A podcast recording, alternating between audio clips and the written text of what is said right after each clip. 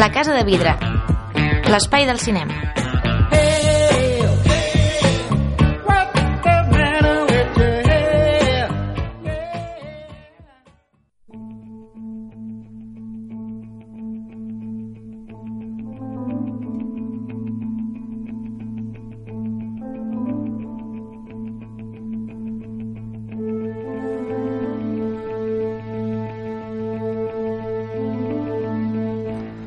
Benvinguts una setmana més a l'Espai del Cinema, la Casa de Vidre.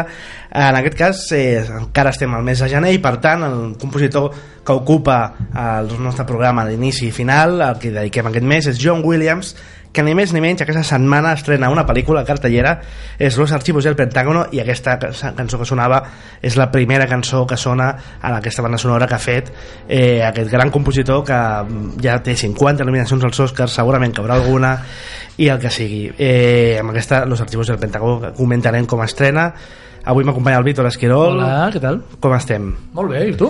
Bé, bé, bé. I eh, avui torna la Marta Bosch amb la seva secció eh, gairebé estrenada, és la segona edició d'aquesta lluita de personatges que ja vam fer al novembre i que avui ens tornes a portar més enfocat no, amb, amb una de les pel·lícules del moment que és eh, Tres anuncios en les afueres que comentarem a la zona crítica.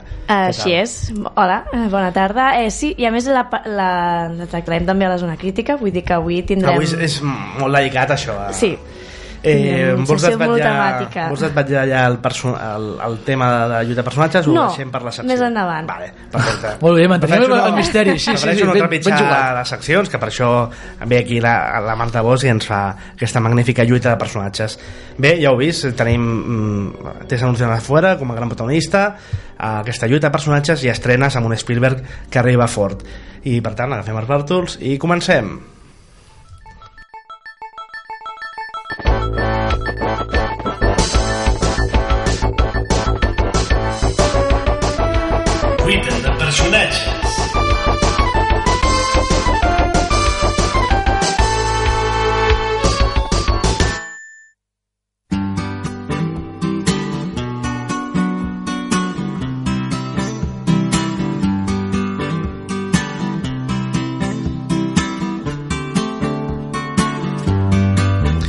Bé, esperem que la sang no arribi a llu- lluny, eh, com l'última lluita entre personatges Pixar amb aquesta música de Street Fighter, eh, el combat se la du, eh, en general, en aquestes lluites. Avui anem cap a un ambient més allò americana, Amèrica profunda, amb dos personatges femenins. sí. Tot teu, Marta. Bé, eh, suposo que ja haureu esbrinat una mica que si el programa d'avui és monotemàtic, eh, amb, tres anuncis a les afueres, doncs hem decidit dedicar-lo a la Frances McDormand. Uh -huh. I bé, la Molt a Frances, favor. la Frances que últimament està en boca de tothom. Vull dir, el seu paper de tres anuncis a les afueres ja ha guanyat un Globus d'Or i figura a totes les travesses dels Oscars. Eh, I a més, ara comença aquesta roda que és molt original i, i molt curiosa de que totes les webs repassen la filmografia de la Frances i sempre li dediquen doncs, al top 10, al top 5, a les 5 pel·lícules més famoses eh, dels, de la musa dels Coen, bueno, tot mm. això, no? Al top 1 sempre hi veiem una mateixa pel·lícula que és Fargo, ja veureu. Sí. Sí, sempre- òbviament.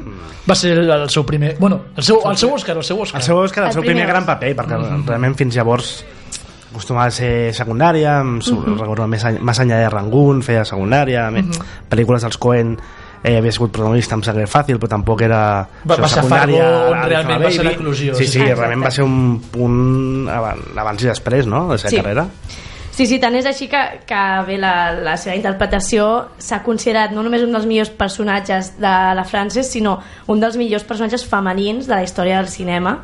I bé, sigui pel que sigui, eh, jo crec que era inevitable comparar la March de Fargo amb la Mildred de Tres anuncios en les afueres. Realment són dues pel·lícules que tothom està comparant, aquestes comparacions sempre són molt injustes, no? però sí que és cert Sí, certament. que, per exemple, en el cas de Tres Anuncios ajuda molt a, a vendre-la, no? a recomanar-la, ostres, si et va Mm. quedar Fargo, o sigui, ara aquest, aquest to de pel·lícula la gaudiràs i és cert que tenen molta relació Sí, jo, eh, és el que dit tu eh? és, és, és, pot ser injust pot ser inclús perillós eh, entrar Sí. en aquestes comparatives però sí que és com si et posessin les dues eh, fotos al costat de dues persones que són no del tot semblants però sí tenen una mateixa retirada és a dir, sí, Tres Anuncios segurament tindria una retirada a Fargo, per què? Perquè és la comparativa mm. fàcil amb el Fashion Gordon, però sí, realment té una retirada als Coen, sobretot en aquesta gestió Sí. de l'humor negre que té la Martin. McDonald, al fons, jo que deu ser admirador dels Coen, a- avui, preparant el programa i tal, el tema músiques, no recordava, eh, comparteixen compositor, les dues Uau! pel·lícules. Ah, És el Carter Burwell, per, Ah, que és un dels millors Sí, compositors. i que només ha tingut una nominació als Oscars. Em sembla increïble. Carol, Em cap- que acostuma a treballar Martin McDonald, últimament les tres pel·lícules ha fet amb ell, eh, amb el Todd Haynes treballa, Mhm. Sí, i, a, i amb els Coen, vull dir que déu-n'hi-do, No, i en no canvi no, que, no ha que estava tan associat amb els Coen el Carter, el Carter Burwell, però sí, sí, em sembla un dels millors genis de, de, de, de la partitura. A més, amb la música de Fargo també molt mítica, que Sí, s'ha transportat a la sèrie. En fi, eh, frena'ns, Marta, perquè ja saps que nosaltres no s'agafem, flipar. ens, ens flipem i tal. Deixeu-m'ho per sembla- zona crítica. Sí. Sí. et sembla ja si Sí. anem a la primera ronda d'aquest, eh, d'aquesta lluita, d'aquest combat? Round one, fight!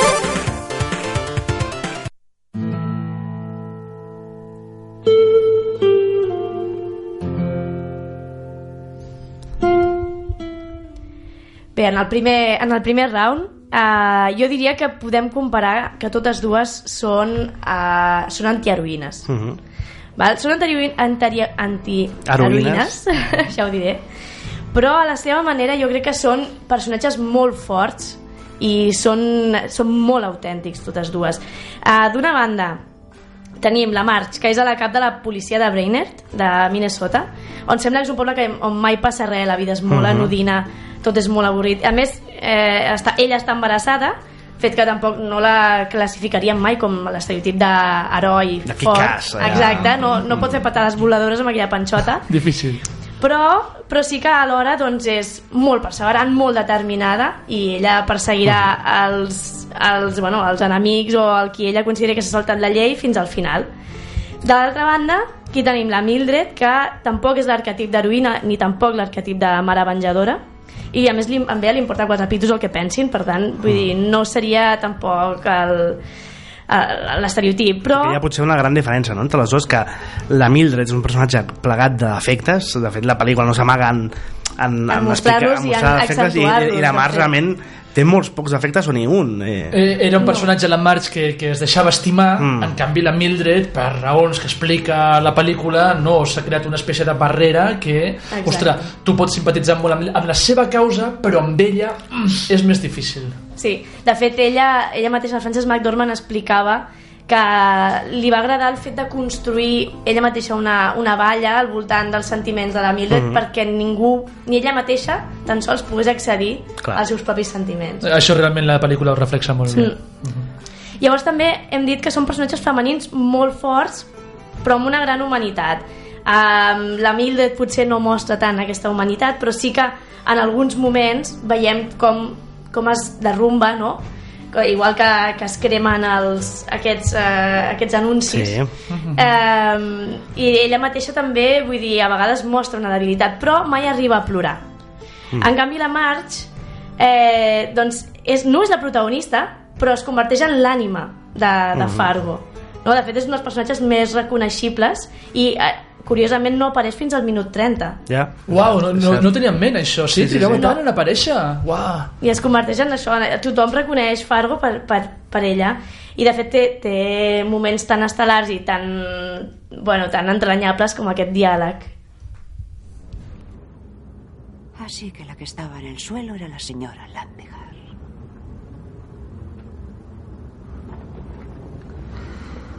Y el que metías la trituradora de madera era tu cómplice. Más los tres que mataste en Brainer.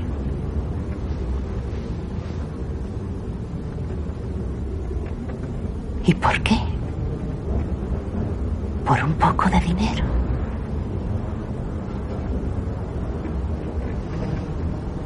Hay cosas más importantes en la vida que el dinero, ¿sabes? Déu nhi aquí ja tens bastant la filosofia eh, de la Marge. Sí. Per ella, a més, li diu i, i además hace un dia precioso, li acaba Mhm. dient. Vull dir que per ella, tot i que el poble està tot el dia nevant i és gris, ella veu la vida doncs, de colors. Mhm.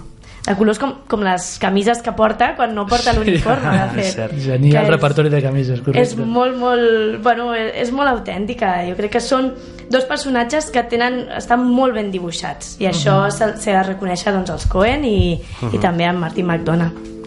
En quant a Mildred, eh, tenim un clip també que... per Aquí podem veure el contrast d'actitud eh, entre els dos personatges. eh, un, un clip d'això, de tres anuncios, que ja veureu el que diu. Obtengan muestras de sangre de todos los varones del pueblo mayores de ocho años.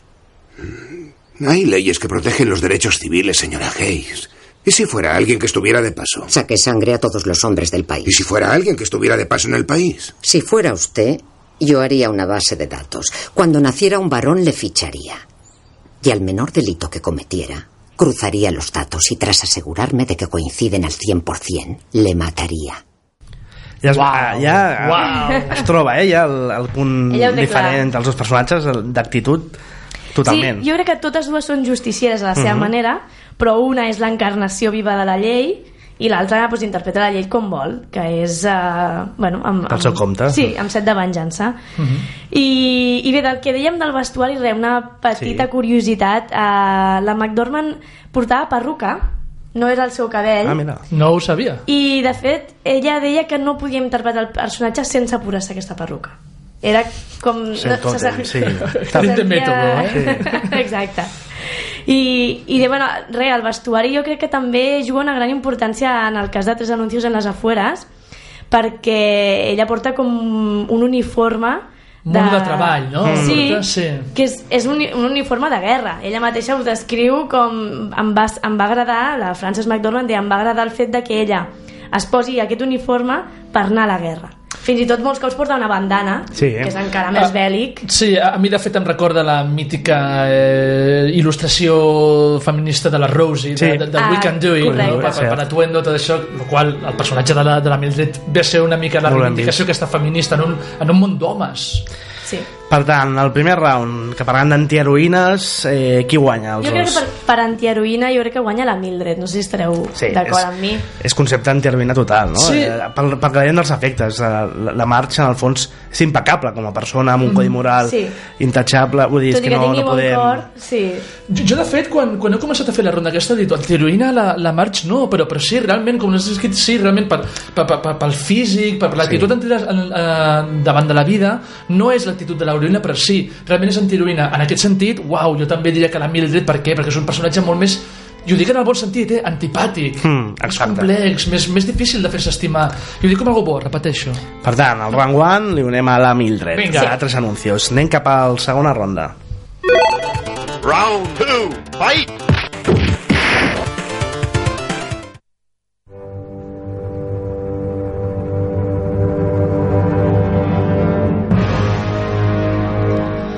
Ja hi ha més hòsties, eh? A la, a la segona Vinga, ronda, va, va. aviam qui guanya. Com Bé. és aquesta segona ronda? Doncs són hòsties que venen de l'Amèrica profunda, perquè totes dues totes dues representen la dona de, bueno, de- d'un estat, en el cas de la March és de Minnesota, i és un dels punts més identificatius per- d'ella, perquè de fet el seu accent és molt propi de Minnesota. Eh, sentim un dels clips que és més identificatius d'aquest accent. What about the other fella? He was a little older. You know, he looked like the Marlboro man. Oh, yeah? Yeah. But maybe I'm saying that, you know, because he smoked a lot of Marlboros. Uh-huh. You know, like a subconscious type of thing. Oh, yeah, that can happen. Yeah. Hey, they said they were going to the Twin Cities. Oh, yeah? Yeah. Yeah, is that useful to you? Oh, you betcha, yeah. Yeah. Ja! Ah, Aquestes entrevistes que fa la Frances McDormand al llarg de tota la pel·lícula de Fargo són absolutament magnífiques, totes elles. I, uh, uh, recordo una escena, és, uh, corregiu-me eh, si no, però perquè ja fa temps que no la vaig veure, que la vaig veure, eh, que té una cita o una espècie de troba, retrobada Sí. amb un antic alumne de l'institut. No me'n recordo Aquella d'això, escena perdó. és magnífica. Amb, és, és, és Fargo, eh? no? sí. És, és un japonès Sí, exacte. que li, que li tira els trastos Sí. i ella li para els peus, però molt educadament. Mm, aquella escena és, és, a més, Sí, és molt, sí, molt sí. coent bé, de, en, Perdona per refiar-nos, però ja ho he vist, aquest Adventure, ja, Ja. ja, molt de Mi- Minnesota total, eh? A més, els Coens són de Minnesota, suposo que si necessitava ajuda amb l'accent... eh, M'ha hagut d'afectar això, sí. sí. Sí, suposo que s'havien d'autoparodiar una Mm. mica en algun moment. La, en canvi, la Mildred, eh, bueno, és de, el títol de la pel·lícula ja, ja ho diu, és a Ebbing, Missouri. Eh, és un accent que, en aquest cas, en el personatge no està tan marcat, però que sí notem, per exemple, en altres personatges com el del Woody Harrelson, Sí. que ja està molt acostumat també a fer aquest accent una mica... Diguéssim que la Mildred eh, diu més, més palabrotes, mentre que la Marge no, eh? I per, com a muestra un botón. Hey, siéntese, diga, ¿en qué puedo servirla? ¿Y Denise Watson? Denise Watson está en la trena. ¿De qué se le acusa? Tenencia. ¿De qué? Dos cigarrillos de marihuana, muy gordos. ¿Cuándo fijan la fianza? He pedido al juez que no le fije fianza, ya que continúa infringiendo las leyes sobre la marihuana. Y el juez ha dicho, claro. ¿Serás hijo de puta? No puede llamar a un agente de la ley hijo de puta en su propia comisaría, señora Hayes. De hecho, en ningún otro sitio. Ja veiem que la Mildred no té problemes en dir fill de puta a un policia, cosa que la Marge no faria mai. Jo he de reconèixer que és una de les meves debilitats. Les, les dones malparlades a la pantalla m'agraden moltíssim. A favor, també. M'agraden moltíssim i, i bé, vaig disfrutar com una nena petita amb la Mildred. Eh, jo crec que si haguéssim de tancar aquest round, Uh -huh. um, el guanya...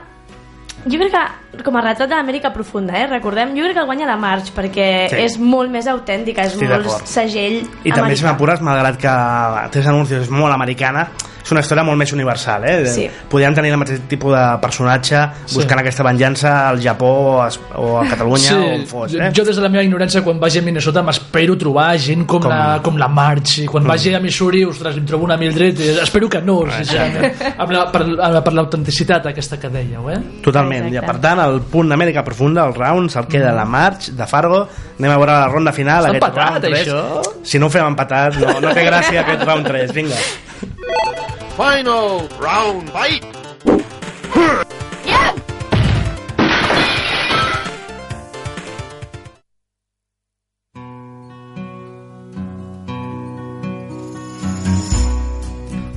ara ja vidres trencats últim round, a veure qui guanya Jo crec que aquest últim round ens va molt bé per introduir la zona crítica. I, i és això que comentàvem ara fora de micros, Mhm. que el, totes dues estan impregnades d'un humor negre, d'un cert humor negre, no? Eh, el que passa és que els Coen tenen un segell molt propi, que, que és molt difícil d'emular, que no crec que es vulgui emular en aquest cas, però que sí que tenen algunes escenes, doncs, eh, estic parlant de tres anuncis les afueres, hi ha algunes escenes molt sòrdides i grotesques, que tenen aquesta certa comicitat d'humor negre, però jo crec sincerament que no intenten ser una pel·lícula d'humor, d'aquest tipus d'humor. uh -huh. Però sí que, per exemple, Tres anuncis les afueres té la virtut d'extreure comicitat d'una situació tan dramàtica com és que, que perdis una filla Estic d'acord, sí, sí. no? Llavors, um, bé, no sé, jo sincerament en aquest cas, en el round, li donaria el punt, uh, si, si fos el, el, el round d'humor negre, li donaria el punt a la March, perquè, bueno, l'humor negre dels Coen és inimitable i és... sí, és molt difícil competir no? Sí, com Coen oblidar aquella finalització de Fargo, no? Amb, la, Clar. amb la Serradero, i allò, allò que és una imatge insuperable. A més són humors diferents, eh? també el, el Martin McDonald, aquest humor irlandès eh, està més proper també a les bromes sobre la mort i tal, el, els Coen potser és més sobre la, la rutinaritat de la vida no? I, i sí, estic molt d'acord amb donar-li a, a, Fans, Jo també, a favor. Fargo Mhm. i per tant guanya la Mar, Marge de, Sí. la Marge del Fargo, eh? no del Simpson un dia, Sí. un dia fe, fes la, la Marge del Simpson aviam. vale, per tant queda dit ja el veredicte Sí. Dos, con- dos a un, sí, em sembla bé. Marge Fargo Sí, sí. Volies acabar amb un to d'hu- d'humor no tan negre, eh? Jo, Bé, seràs la culpable de que Ojete Calor soni al meu programa de cinema. Moltes gràcies. Uau. Ja podem tancar la paradeta. Així estem guanyant molt nivell aquí, eh? Bueno, jo crec que és això, és per, simplement per representar la- l'impacte que ha tingut aquest personatge en tota la cultura popular. Doncs Ojete Calor li va dedicar un petit, una petita estrofa de la seva cançó Ai, que bien tan mal. Estaba siempre mal. Por eso se lo tuvo que explicar Amaral. Como Frances McDormand en la de Fargo, eres más tonta que hecha de encargo. Ay, qué bien tan mal. Ay, qué bien.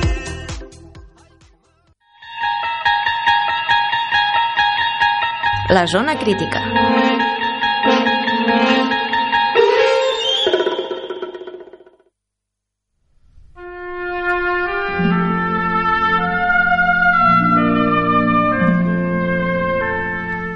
Bé, no sé si en la història quedarà com una pel·lícula millor que Fargo, aquest tres anys en les afueres, que se les compara. Per mi, almenys, eh, en l'actualitat, eh, són les millors pel·lícules del moment, sens dubte, per mi una de les favorites dels Oscars. Una, jo li poso un 8 i mig sobre 10 i l'únic que li retrauria al producte en general al final és que eh, segurament l'humor negre que té des, desviï massa l'atenció del que realment vol explicar la pel·lícula, que són temes molt profuns, Mhm. tocant molts pals i més amb una visió mm, dura del que és la vida i el món. Una altra, una altra vegada estic d'acord amb tu eh, una de les grans virtuts de en les afueres és també és, és, podria ser una arma de doble filo no? que es Mhm. diu el Martin McDonagh eh, escriu diàlegs brutals sí. eh, boníssims, molt, molt àcids molt irreverents, molt, molt genials i això a mi a vegades em desvia del que realment és el punt de la pel·lícula que, que jo ho admeto, eh? la primera vegada que vaig veure aquesta pel·lícula va ser en un festival, veus quatre Mhm. pel·lícules en un dia i sí, em va quedar com una molt bona pel·lícula però més com una curiositat que realment una pel·lícula que toca l'os i realment jo crec que Tres anuncios en les afueres ho fa Sí. t'està parlant d'un estat de cabreig de d'indefensió, de, de, de, de desemparament davant de la injustícia i com tu com a ésser humà pots reaccionar davant d'això, davant de la injustícia potser creant encara més injustícia no? però, però buscant una, una solució violenta a la, a la violència a la, que, a la que t'ha sotmès al món és una pel·lícula que a mi em fascina perquè com comentàveu abans mm, tota la posen sobre el paper sobre, sobre, sobre la taula i dius, ostres, això és un dramón Sí. realment és una mare coratge sen... que realment no és mare, no? Bé, sí, li queda un fill però ha perdut una filla perquè l'han violat i, i, i l'han matat i està buscant venjança per això és un drama brutal, però et dones compte que et tires rient durant gairebé tota la pel·lícula Sí. i no dic com una frivolitat és, és No, també... és que les escenes són hilarants, eh? només els diàlegs ja, ja et fan passar-t'ho bé, no? Però en, en contrapunt al que deies, en, tot i parlar d'aquests temes, no? I de com eh, l'odi engena més odi i, i, i aquest estat per, perpetu de lluita entre tots no és bo, també ofereix cert optimisme i, i certa redenció a aquest missatge. Hi ha una l'escena del suc de taronja, jo crec que defineix molt bé la, la part Sí. optimista de la pel·lícula, que també la, la té.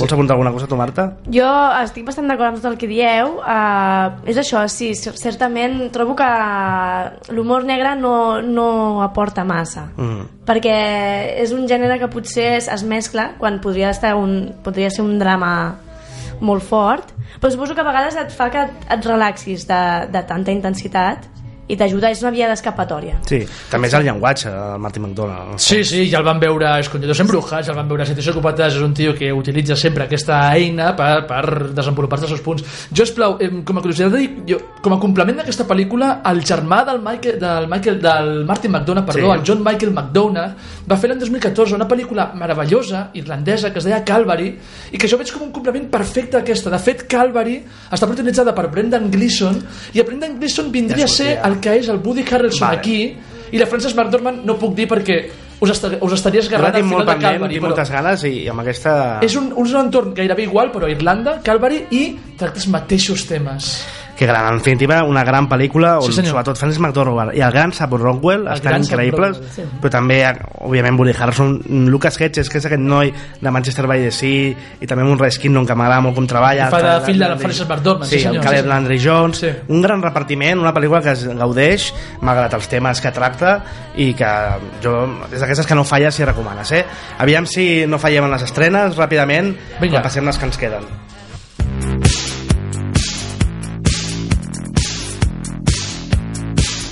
Les estrenes de la setmana.